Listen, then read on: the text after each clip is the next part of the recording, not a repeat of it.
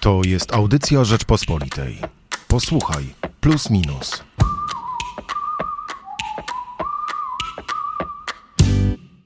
Między wartościami a interesami. Brzmi hasło na okładce najnowszego wydania magazynu Plus Minus. Rzeczywiście w dobie wojny na Ukrainie, rosyjskiej agresji na Ukrainę, jesteśmy rozdarci między wartościami a interesami. Rozdarta jest nasza debata e, publiczna. O tym dzisiaj porozmawiamy w redaktorskim duecie. Michał Płociński i Michał Szułdrzyński. To na początek może Państwu przedstawię, jakie mamy teksty w plusie minusie, żebyśmy wiedzieli, o czym dyskutujemy, żeby każdy tutaj miał jasność. Temat porusza w pierwszym już tekście Tomasz Terlikowski. Pisze o konserwatyzmie wypaczonym. Z jednej strony kontynuuje e, debatę, którą sam rozpoczął o konieczności jakiejś modyfikacji konserwatyzmu, jakiegoś nowego ułożenia w głowach konserwatystów tego, czym jest konserwatyzm w momencie, kiedy, e, kiedy e, trochę szczególnie zachodnie partie prawicowe się skompromitowały, które wcześniej współpracowały z Putinem, a z drugiej strony Tomasz Terlikowski pisze o tym, czym jest polski realizm, czym był polski romantyzm, jak rozumieć nasze dzisiejsze spory. Tym sporom bieżącym jeszcze mocniej przygląda się Piotr Zaręba. Wręcz recenzuje to, co w tej chwili dzieje się w debacie, szczególnie tej internetowej, gdzie debatują think tanki, thinkziny i inne takie dziwne słowa. W tekście Czy bić się o wartości? A zamyka temat numeru, danie główne, artykuł Jana, Jana Maciejewskiego pod tytułem wiele wyjaśniającym Zakładanie kagańca na rogatą duszę. Można by dodać na polską rogatą duszę. Dalej w numerze też sporo oczywiście o tym, co się dzieje na świecie, o tym, co się dzieje na wschodzie, bo Tomasz Krzyżak rozmawia z arcybiskupem Eugeniuszem Popowiczem, czyli zwierzchnikiem Kościoła grecko-katolickiego w Polsce. E, o tym, jak Ukraińcy zmieniają Polskę, pisze Michał Dobrołowicz, socjolog i dziennikarz, który w miarę dobrze przecież rozumie te zmiany e, demograficzne jako doktor socjologii. Z Pawłem Łatuszką, byłym ministrem kultury Białorusi, rozmawia Rusłan Szoszyn. W tekście Świat zapomniał o Białorusi. E, a dalej mamy na przykład wywiad z Enrico Lettą, byłym premierem Włoch. Jędrzej Bielecki podpytuje go o tym, o to, jak Włosi podchodzą dzisiaj do Rosji, bo tam na Półwyspie Apenińskim dokonała się olbrzymia zmiana. Kraj, który był bardzo prorosyjski, w tej chwili, jak mówi Enrico Letta, to Putin już tego kraju nie fascynuje. Putin nie fascynuje Włochów. Jędrzej Bielecki. Mamy też taki dwublok, znaczy dwugłos krótki blok o tym, co się dzieje w Afryce, bo z jednej strony o tym, jak Afryka nadrabia e, opóźnienie takie cyfrowe i jak to szybko robi, szczególnie jeśli chodzi o wprowadzanie smartfonów, różnych rozwiązań takich e-bankowych. O tym pisze Jacek Płaza, a Kamil Kozak z Paryża przygląda się wycofaniu francuskich wojsk z Sahelu. W tekście pod tytułem Sahel jeszcze śpiewa.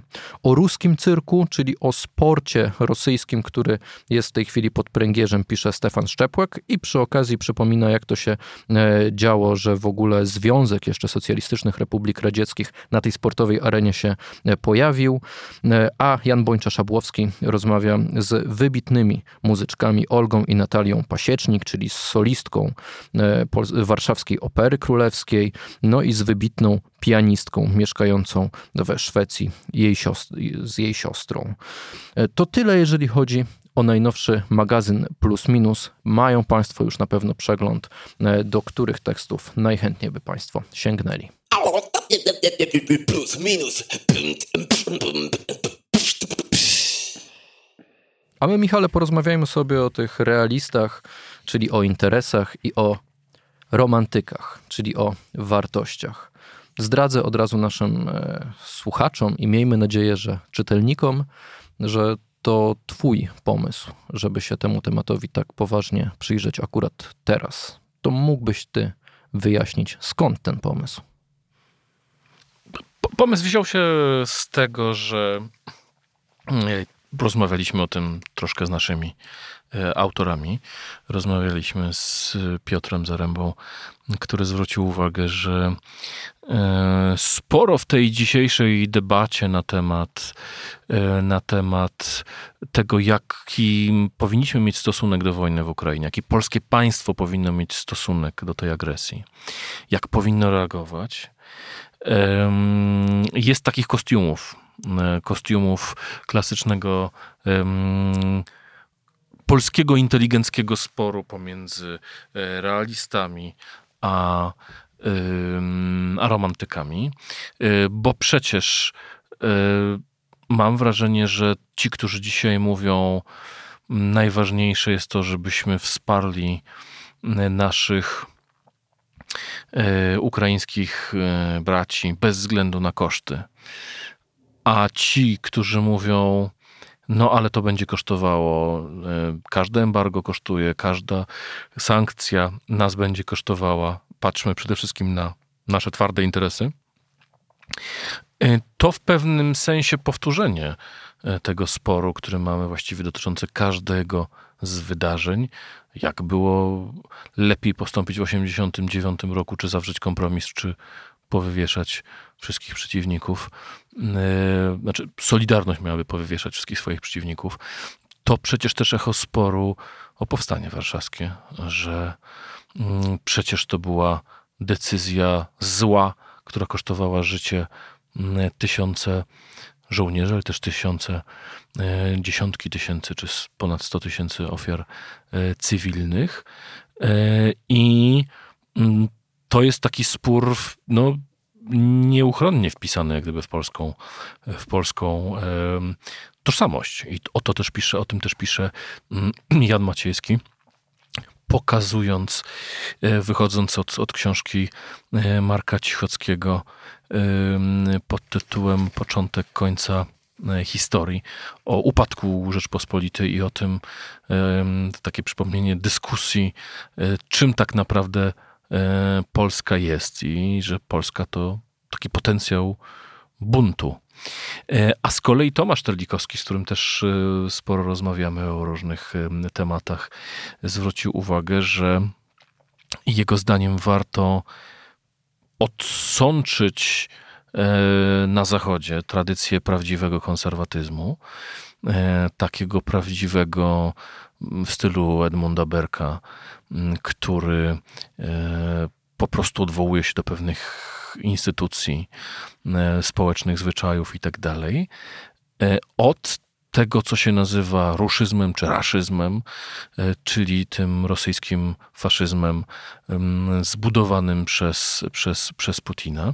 I taką przestrogę pisze e, w tekście otwierającym plusa minusa, e, w tekście pod tym konserwatyzm wypaczony Tomasz Telikowski, pokazując, że no właśnie, konserwatyzm tak, ruszystowskie czy raszystowskie wypaczenia nie, że powinniśmy wyrzucić z myślenia o prawicy taki um, imperializm podlany nacjonalistycznym sosem, e, kult jednostki, e, traktowanie religii, ale też kościoła, no bierze się od, od cerkwi jako pałki w wojnie kulturowej, która jest tak naprawdę, no tutaj też wiele osób zwraca uwagę, że Rosja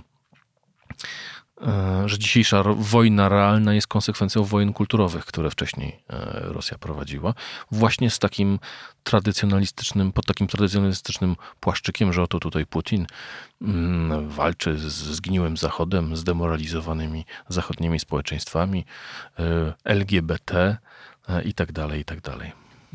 Tomasz Terlikowski pisze, że nie wystarczy się od tego odciąć. Ja wręcz sobie podkreśliłem cytat.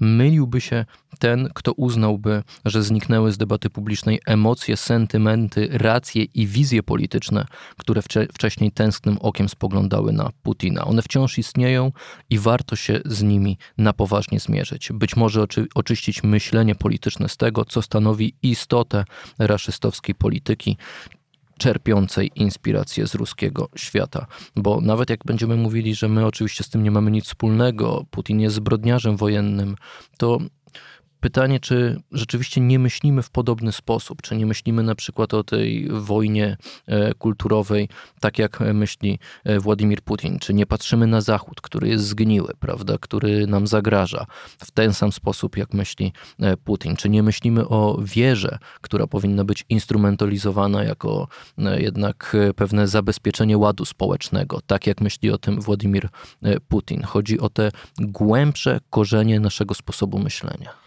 No więc właśnie, i taki, mm, jeden taki przykład, może trochę brutalny, ale użyłem parę dni temu w mediach społecznościowych takiego sformułowania, że jeden z materiałów przygotowany przez rządową propagandę był antyputinowski e, w treści, ale czysto putinowski w formie. E, był to jakiś materiał no tak nieprawdopodobnie manipulacyjny, tak mający na celu sponiewieranie politycznego przeciwnika i opozycji, że myślę, że propaganda E, propaganda e, rosyjska kremlowska e, by się mm, z przyjemnością uczyła warsztatu u mm, owego autora z jednej z telewizji które wspierają e, obecną e, władzę.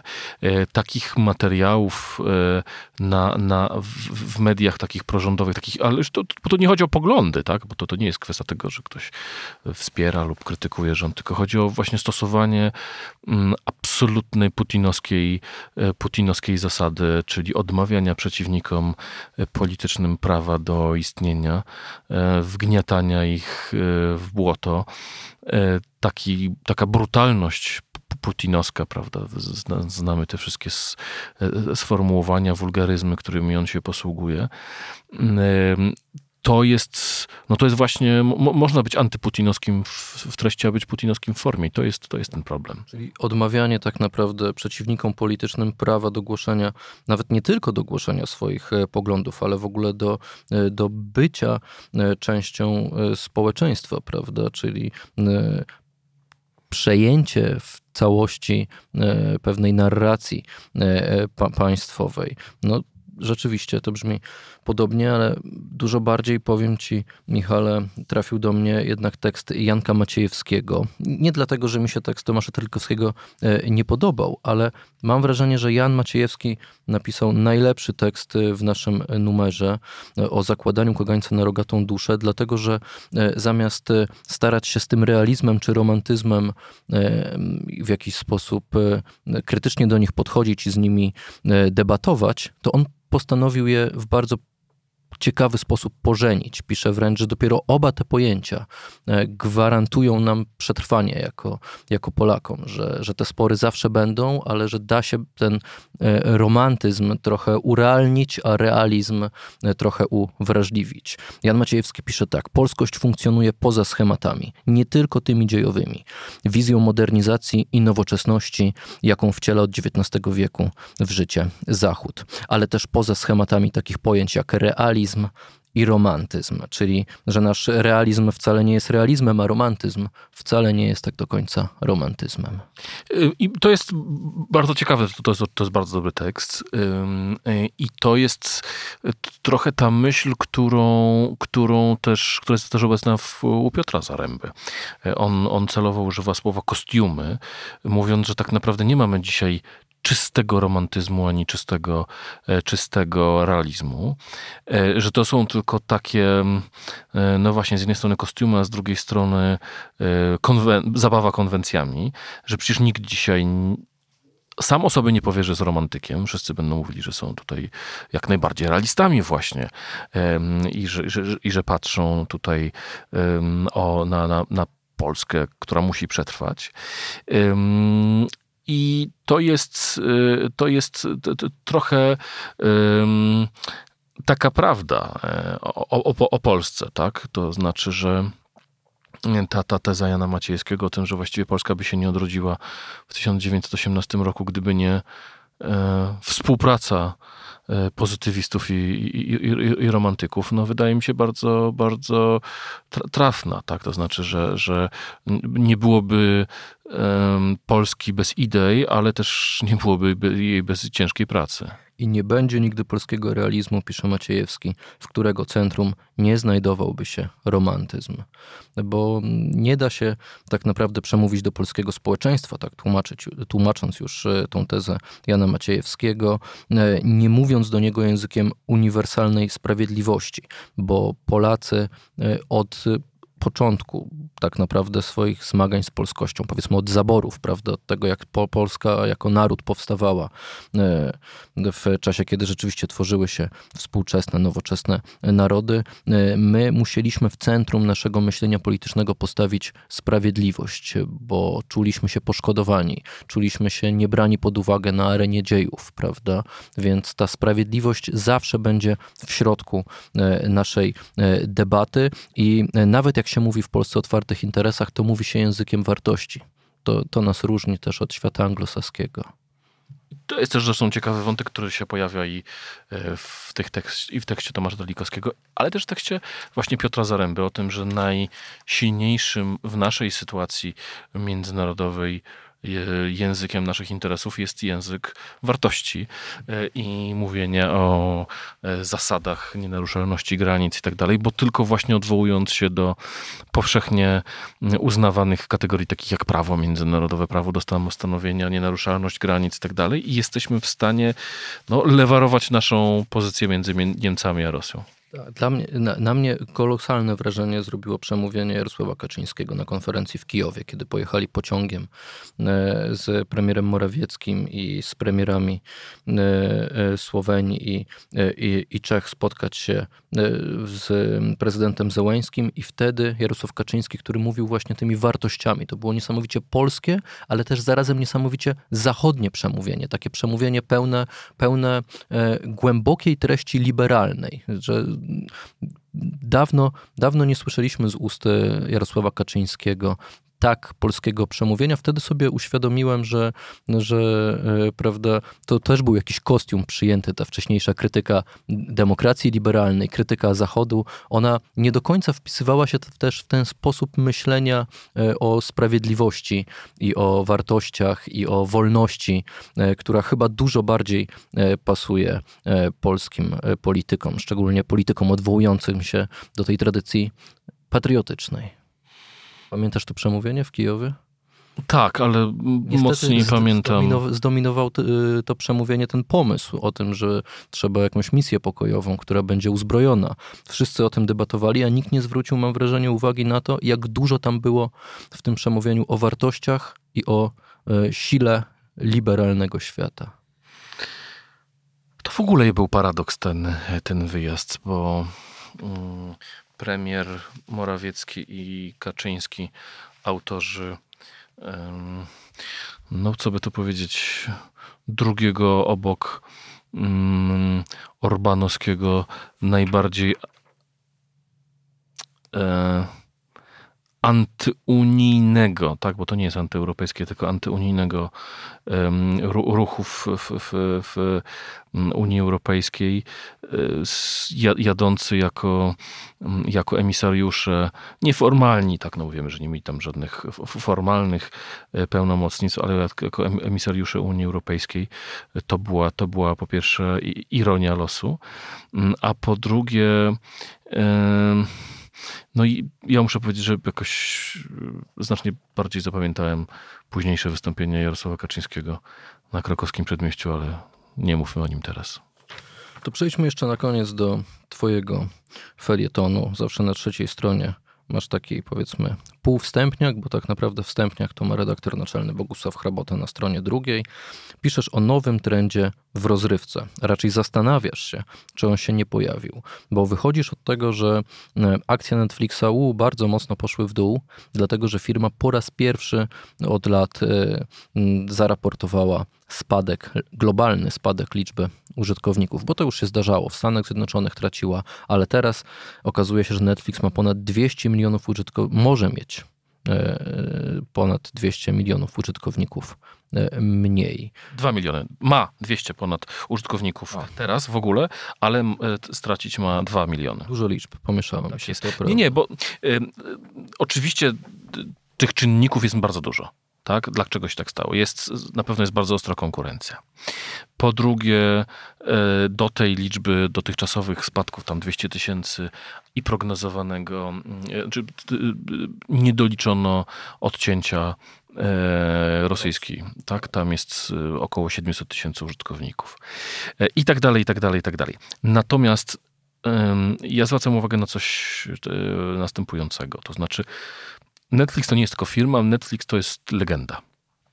Tak, od momentu, kiedy e, przekształciła się z firmy mm, e, z wypożyczalni płyt wideo i DVD, Blu-ray e, w globalną e, kompanię e, produkującą i st- streamującą mm, filmy, tak naprawdę Netflix był symbolem. Tak, był No To jest pewien taki y, z jednej strony znak jakości, nie wszyscy się oczywiście zgodzą, że to jest jakość, a z drugiej strony no mniej więcej wiemy, czego oczekiwać po tym, jak włączamy serial wyprodukowany przez Netflixa. Tak, ale równocześnie był to, był to pewien y, mit y, w gospodarce. Tak? To znaczy, budujemy sobie bazę wiedzy o klientów, patrzymy, co im się podoba, y, sugerujemy im filmy, które im się w związku z tym będą podobały, dlatego że walczymy o to, co w, tym, w tej nowej cyfrowej gospodarce najważniejsze, czyli e, nasza uwaga. E, Walczymy o uwagę. Nawet cytuję taką wypowiedź m, prezesa e, Netflixa z 2017 roku, który powiedział, że naszym głównym konkurentem jest sen. E, Czyli walczymy już nie tylko z innymi firmami, walczymy nie tylko z innymi serwisami streamingowymi, walczymy nie tylko z innymi serwisami, które walczą o naszą uwagę, takim jak właśnie e, Facebook, Twitter, Instagram, TikTok i tak dalej, ale walczymy walczymy z czasem, który ludzie, ludzkość poświęca e, na sen. I teraz mm, w tym tłumaczeniu Net- Netflixa e, tych, tych, tych spadków pojawiało się kilka czynników. E, Jedno to oczywiście konkurencja. Wiemy, że tutaj Amazon ma swoje wejście, Disney, HBO i tak dalej, i tak dalej.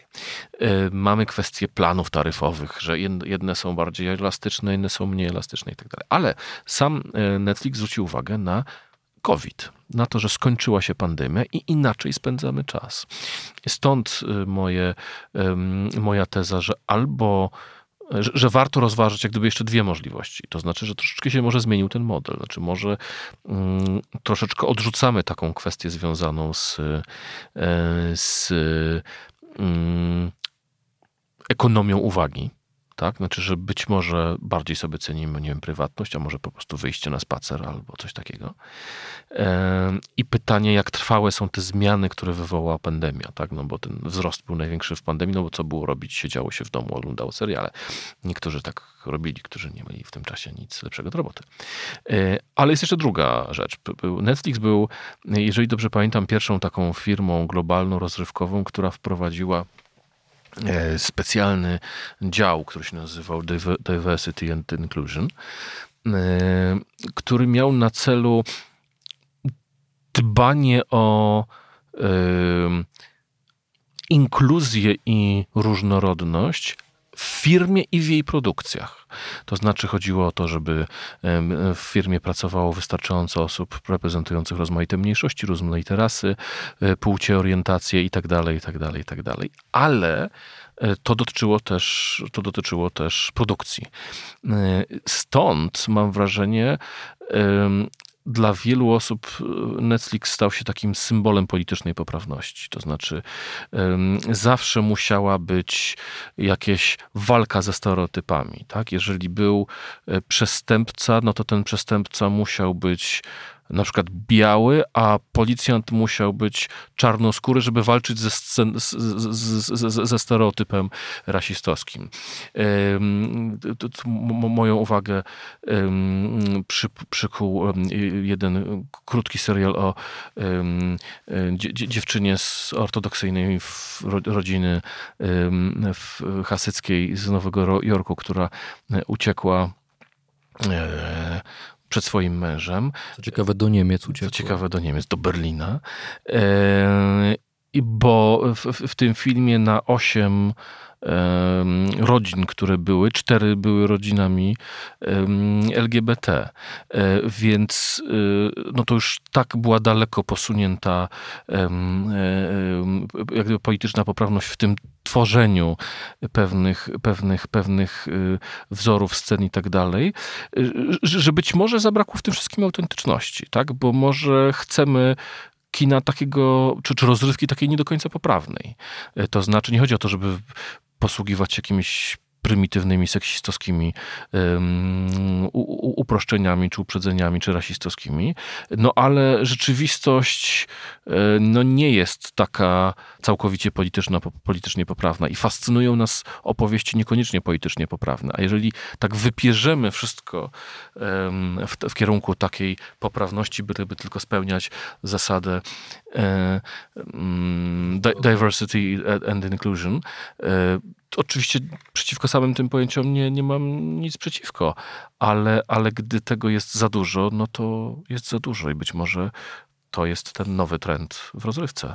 Jak Państwo słyszą, różne tematy poruszamy w najnowszym magazynie Plus Minus. Nie tylko o wojnie, ale o wojnie wciąż sporo, bo ona przecież ciągle się toczy. E, ciągle wiemy, co się dzieje za naszą wschodnią granicą. Polecamy najnowsze wydanie magazynu Plus Minus z hasłem na okładce między wartościami a interesami. Już w sobotę w kioskach oraz w naszym serwisie internetowym www.rp.pl. Michał Płociński i Michał Szułdrzyński. Słuchaj więcej na stronie podcasty.rp.pl. Szukaj Rzeczpospolita Audycje w serwisach streamingowych.